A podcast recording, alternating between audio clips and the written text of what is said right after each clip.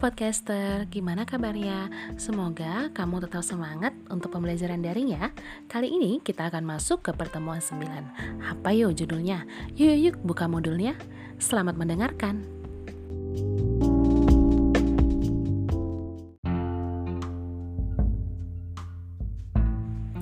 Pertemuan yang ke-9 ini kita akan bahas mengenai peran lembaga peradilan.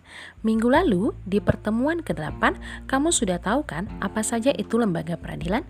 Ya, lembaga peradilan terbagi menjadi peradilan umum, peradilan agama, peradilan militer, peradilan tata usaha negara, dan mahkamah konstitusi. Nah, yuk kita bahas satu-satu mengenai peran lembaga peradilan tersebut.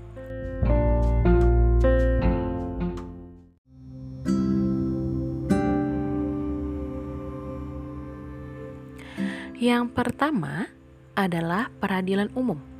Peradilan umum adalah lingkungan peradilan yang berada di bawah Mahkamah Agung dan terdiri dari pengadilan negeri dan pengadilan tinggi.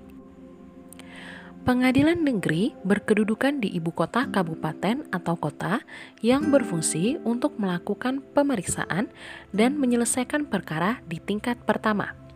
Sedangkan pengadilan tinggi berada di ibu kota provinsi dan berfungsi menyelesaikan perkara di tingkat kedua dan banding.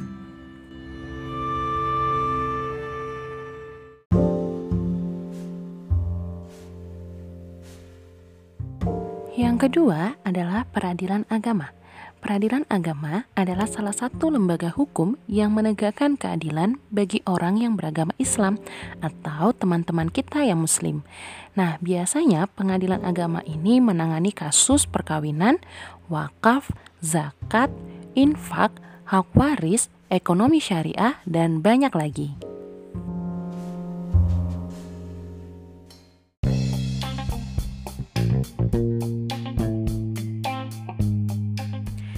Yang ketiga adalah peradilan tata usaha negara. Peradilan Tata Usaha Negara adalah lembaga peradilan di bawah Mahkamah Agung yang berfungsi menangani kasus sengketa tata usaha negara. Contoh sengketa tata usaha negara adalah pemberhentian PNS, pemberhentian Polri, sengketa tanah, pemutusan listrik seluruh wilayah, penurunan pangkat jabatan, dan masih banyak lagi.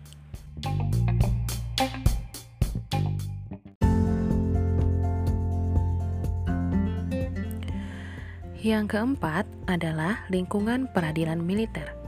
Peradilan militer berperan dalam menyelenggarakan proses peradilan dalam lapangan hukum pidana, khususnya bagi pihak anggota TNI.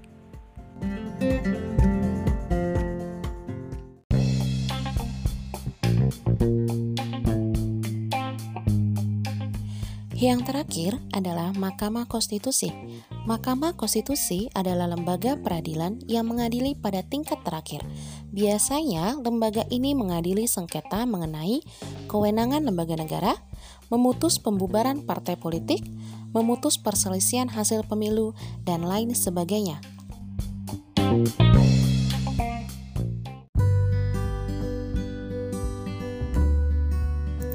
Nah, itu tadi mengenai peran lembaga peradilan. Saya harap semoga kamu sudah paham apa saja sih peran lembaga peradilan tersebut.